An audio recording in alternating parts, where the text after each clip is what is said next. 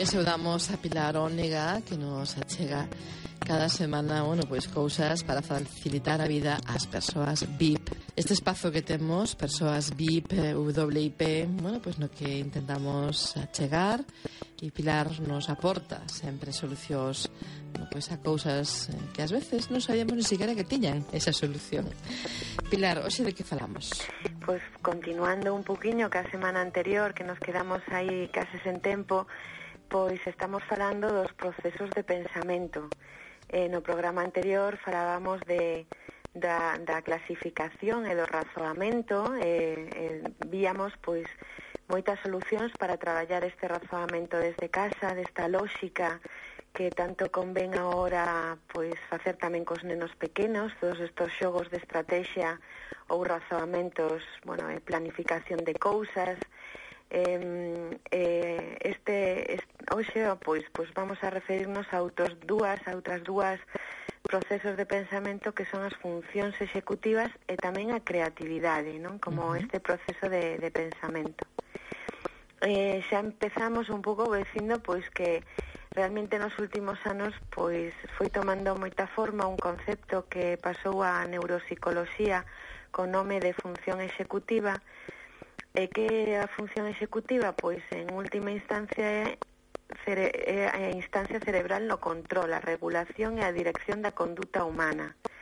É dicir, bueno, anatómicamente isto eh, se, se poñemos ou se facemos unha neuroimaxen eh, ubicamos, eh, se ubican no lóbulo prefrontal, pero para facelo así máis sinxelo, funcións executivas, pois, por exemplo, dirixen a nosa conducta, é dicir, aquí temos unha autorregulación e eh, nosa, nosa actividade cognitiva e emocional. Non? O sea, Goldberg, que foi un estudioso destas funcións, decía que son o cerebro do cerebro, uh -huh. ou o director de orquesta que dirixe e supervisa o resto do cerebro. Porque é como que, que se refiren a unha serie de operacións cognitivas de orde superior destinadas eso, a dirixir, valorar e controlar a nosa conduta para que esta sexa eficaz, non?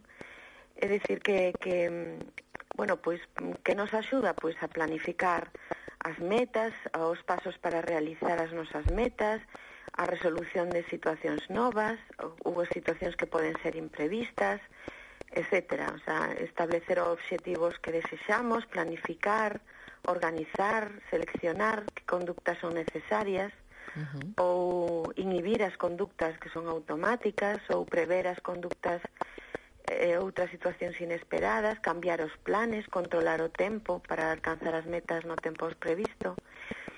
Moitísimas cousas.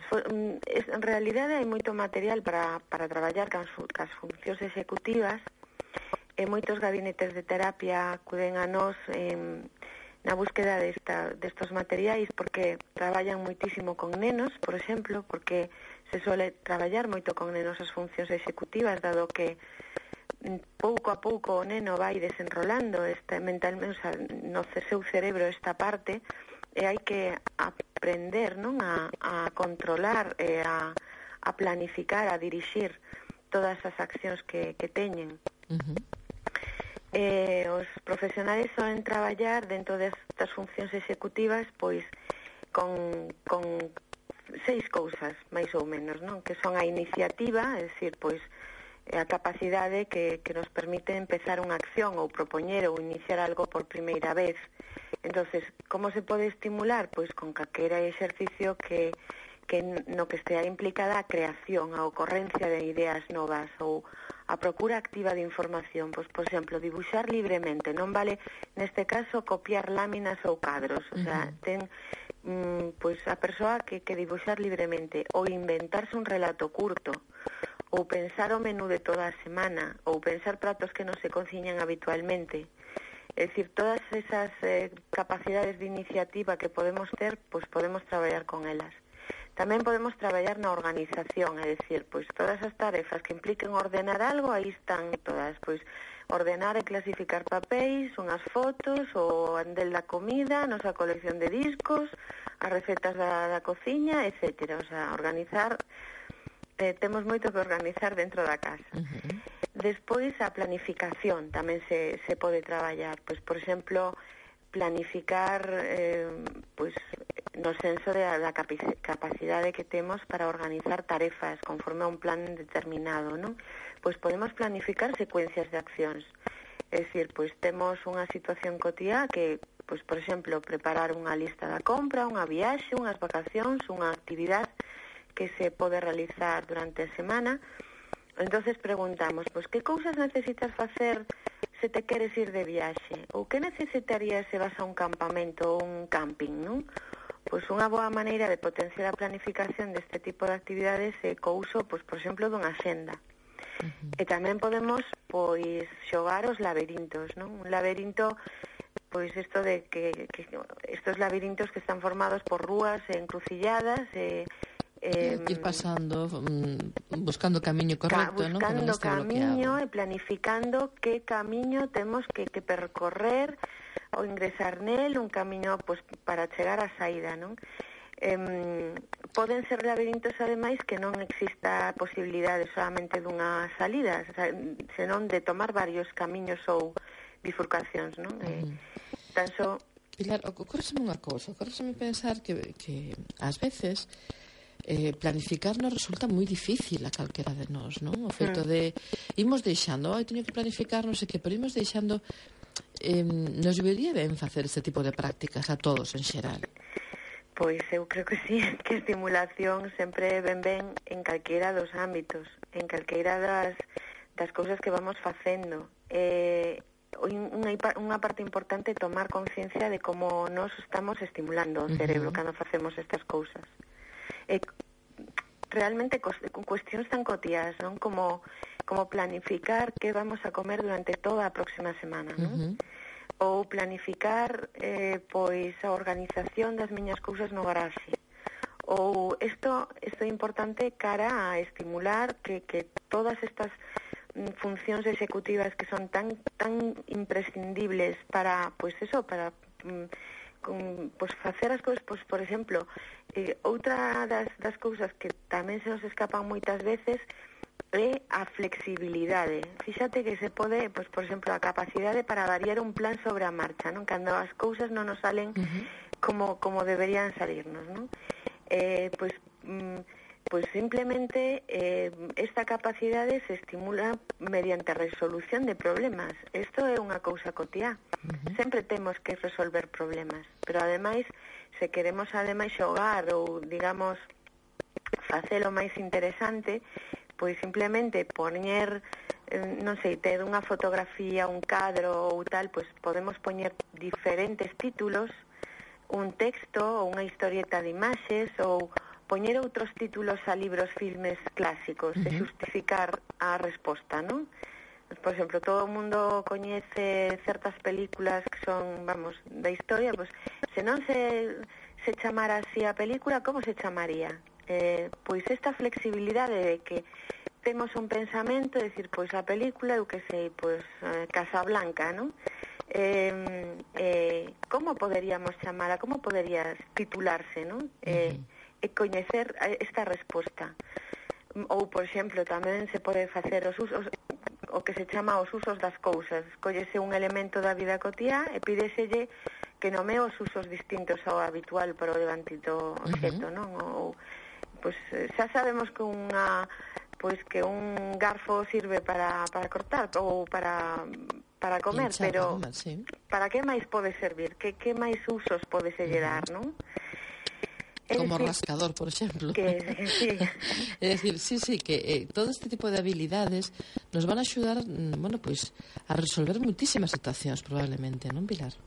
Sí, ademais potencia ademais a outra outra parte que é esta esta planificación tamén da conduta, non? O sea, esta, é dicir, se se eu son unha persoa flexible para eh, buscar outra solución dado que non dado que non me sae o que, que eu quería, convírtome tamén unha persoa que busca eh, estas solucións para toda a nosa, a nosa vida e que non me frustro ante un parón ou entre unha cousa que non sae como eu quero que, que salga. Isto é importantísimo para os nenos, non? De que non se poñan pois a, digamos, eh, non sei, mm, eh, pois con unha pataleta, non? Cando non, non poden eh, facer as cousas ben. Uh E despois tamén está a toma de decisións. Non, perdón, o primeiro está o xuízo, que é a capacidade para avaliar a adecuada conducta en función das normas.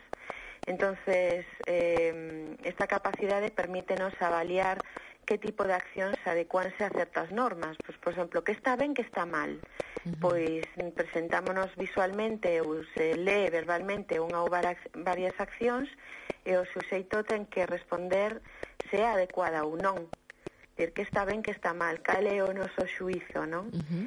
E despois tamén, por último, a toma de decisións, é dicir, vamos a seleccionar unha resposta entre varias posibles alternativas. Eh, isto entendido como a capacidade de seleccionar a resposta, non? Pois cal, cal é a acción ou consecuencia inmediata e futura da acción que, que vou a realizar. Pois imagínate todo isto cara aos nenos, cara aos adultos, eh, na escola, eh, pois, non sei, xogos, eh, temos, pois, por exemplo, esta semana, ademais, saliu precisamente eh, un que se chama FEX, que son ferramentas para a escola, eh, pois, pois, eh, é un xogo que dá os mestres os materiales para fomentar estas funcións executivas e eh, aumentar a aprendizaxe no traballo específico. e e tamén axuda a moitos nenos na propia autorregulación, non? Pois, por exemplo, a xestión do propio comportamento, as emocións fortes, desenrolando esta, esta, este pensamento interno, non? Eh, eh, todo, todo son materiales planificados, ilustrados, eh, facendo estas estructuras de procesos de traballo, eh, eh, bueno, eh, aparte deste hai máis cousas, non? Que, que se regula os comportamentos e eh, que se consigue realmente estimular, e planificar, organizar, mm, ser flexible, tomar decisións eh, que nos vai a, a facer ben toda, toda a vida. Este apartado, Pilar, de tomar decisións, me parece moi importante. Ás veces cando, mm, non sei se, se lle pasou a todo o mundo, pero cando tuvemos ou temos anos pequenos, mm, moitas veces a eles lles custa non tomar decisións e un pouco como que delegan en ti no? pois, eh, pois dime tú pois dime ti, que facemos pois, eh, non sei sí, no, é, é un pouco así é difícil isto, non? Que ás veces eh, os nenos fan ese plantexamento.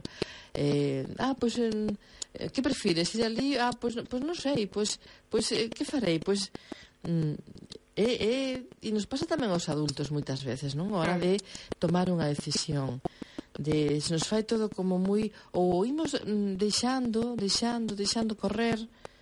Eh, por iso que é moi importante traballar todo isto, non? Importantísimo, ademais de xeito Um, creo que todos os docentes, bueno, os pais tamén distinguen moitísimos nenos que, que teñen unha, unhas funcións executivas ben estimuladas porque as disfuncións das funcións executivas, valga a redundancia, recaen en pois, por exemplo, en trastornos de déficit de aprendizaxe, uh -huh. unha das razóns que tamén regulan esta este lóbulo prefrontal, non? Eh, outras cousas, pois, por exemplo, moitos estudos eh, en diferentes casos de autismo ou en síndrome de Asperger mm, denotan unha carencia destas funcións executivas, non? É dicir que que hai moitas eh, persoas que, pois, por exemplo, a través dun traumatismo craneoencefálico ou, ou precisamente nesta zona do, do cerebro eh, teñen unha realmente pois, pois eh, son persoas que o millor dicen sen ningún filtro de, de nada as cousas que pensan uh -huh ou, por exemplo, fan accións sen pensar as consecuencias, sí. non? Ou ou vemos simplemente os nenos pequenos, por exemplo, que decimos non te comas a galleta antes de comer, pois pues non vas a comer nada. É dicir, o neno ten que aprender a planificar, é dicir, que se isto fago así, eh, procede nunha nun, o sea, nun, nun cambio de, de, de, de actitude e, e despois nunha consecuencia, non? Uh -huh. É dicir que que, que é importantísimo as funcións executivas. Eh, bueno, e por último xa da, dos procesos de pensamento falábamos tamén de creatividade que tamén é unha, unha parte in, importante, importante para min uh -huh.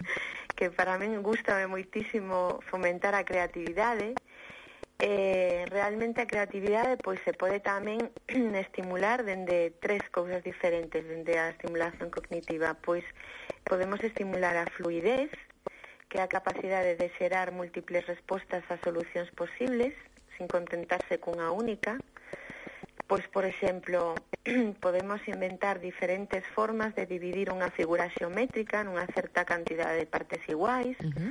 ou tamén, como decíamos antes, poñer diferentes títulos a unha fotografía, a unha historieta, tamén se se a parte da, da función executiva tamén se, se estimula esta, esta parte ou achegar varias solucións a, a problemas da vida cotiá ou inventar diversos eslogans para unha campaña publicitaria, tamén podemos facer pois, uh -huh. a fluidece canta resposta se pode, canta solucións posibles se pode dar a un solo problema. Pois vamos, eh, se pode, isto é parte da creatividade como tamén é parte da creatividade a flexibilidade, que é dicir, eh, para ver a realidade dende diferentes puntos de vista, que ademais nos convirte en persoas moito máis abertas cara ás opinións dos demais, non? Uh -huh. Pois, eh, por exemplo, podemos dar solucións a unha cuestión dende o punto de vista de diferentes profesións ou interpretar manchas de tinta baixo diversos criterios, según estados de ánimo, por uh -huh. exemplo Tamén poñer os títulos os libros, os filmes, eh, xustificalo ou ante un problema que non están implicadas, no que están implicadas varias persoas, pois expoñer diversas opinións, eh, poñéndose no punto de vista dos, das diversos, non? É dicir, pois eh, poñemos un debate e teño que estar eh, pois a favor e, a, e en contra, e a, en contra uh -huh. do, do misma, da mesma cousa, non? Poñer diferentes perspectivas ou que pensaría estas cousas dende diferentes religións, por exemplo. É dicir, uh apórtanos muitísima flexibilidade isto, eh, ser unha persoa aberta, non? E despois, por suposto, a originalidade, non? Que é o que máis, digamos, asemellamos que a creatividade é a capacidade isto de, de ter un produto novo, pouco frecuente, inventar historias novas, inventar metáforas orixinais a diversas situacións, eh, os usos pois usos diferentes dos obxetos tamén ou frases eh, que han de completarse pois de diferentes formas ou con respostas ilóxicas ou inesperadas. E aquí, imagínate, pois estamos eh, cheos de cousas para a creatividade, para os nenos, por suposto, muitísimo. Por exemplo, acordome agora de, dun xogo que se chama Inventa Kit, que é fantástico, é un xogo de retos para fomentar a creatividade, de que se pode xogar ademais de moitas edades. Eh, permite ademais practicar habilidades creativas dunha forma moi divertida, non? Pois eh, crear, transformar, diseñar, inventar, porque ten unhas, eh, unhas eh, digamos, unhos cadros, un, unhas ilustracións eh, dunhas escenas, pois, por exemplo, nun parque ou nunha, nun colexo, na casa, etcétera. entonces temos que facer, realizar retos. Por exemplo, imagínate unha paisaxe na playa, uh -huh. eh, que hai pois unha serie de persoas tamén de obxetos. E tes que inventar un deporte cos obxetos dunha playa ou transformar unha persona é unha superheroína, un superhéroe, diseñar un robot que sexa monitor de esquí ou mm. eh, tamén mm, faite desenrolar novas ideas sobre escenas da vida cotiá na calle, na cociña, na montaña. Eh, Podes, por exemplo, inventar novos instrumentos musicales, novas pezas de roupa, obxetos que van a ser no futuro. É dicir, hai 225 retos e nunca uh -huh. te aburres con isto. O sea, Todo este, este material, Pilar, podemos atopalo en na, na web Los Juguetes del Cole sí. e tamén en persoas En VIP. personas VIP temos en, dentro de terapias de estimulación especificamente a estimulación da creatividade eh, con, con cousas tanto para, para pequenos como tamén para maiores, porque, claro, é que nos, no, nos, nos juguetes del cole hai, pois, pues, imagínate, cantidade de cousas para a creatividade dos nenos. Dos Pero nenos. sí que quería facer aquí unha pequeniña cousa, se nos dá tempo. Un minutiño temos. Un minutiño, bueno, pois mm, para, para cousas que, que haxa para personas maiores, pois, por exemplo, materiales para tecer e coser, uh -huh. telares, para facer cojines tamén, bufandas, cesterías, uh -huh. facer pulsera ca técnica dos nudos, cerámica e alfarería, manualidades con xabón e boliñas de baño, eh, modelaxe, manualidades con feltro, pinturas de todos, pois para pintar mm, pinturas sobre pedra, sobre cristal, sobre superficies oscuras, sobre telas, etcétera. Técnicas de punzado sobre papel, manualidades con madeira, pois para facer casiñas de para paxaros, para volvoretas, manualidades con alambres, é dicir, todo isto é a creatividade uh -huh. para adultos. E isto podemos atopar na web Personas VIP. Personas VIP, sí. Personas VIP e eh, tamén chamando o teléfono pois 982 25 51 87 se non se atopa algo pois se chama porque hai moitas cousas en catálogos e eh, tamén eh, bueno pois eh, eh, eh, na Ronda da Muralla, número 89 de Lugo, aí estamos. Aí está Pilar e o seu espazo físico das persoas VIP, as persoas doblemente importantes. Lembramos ese teléfono 982 25 51 87 é o 606 15 76 71. Todos aqueles que teñan dúbidas e que queiran preguntar por alguna, bueno, pois pues algún artiluxo, algún aparello que nos poida axudar a topar solucións, aí está. E senón visitando esas dúas web, los juguetes del cole e personas VIP. Uh -huh. Pilar, ata semana que ven. Pois ata semana que ven.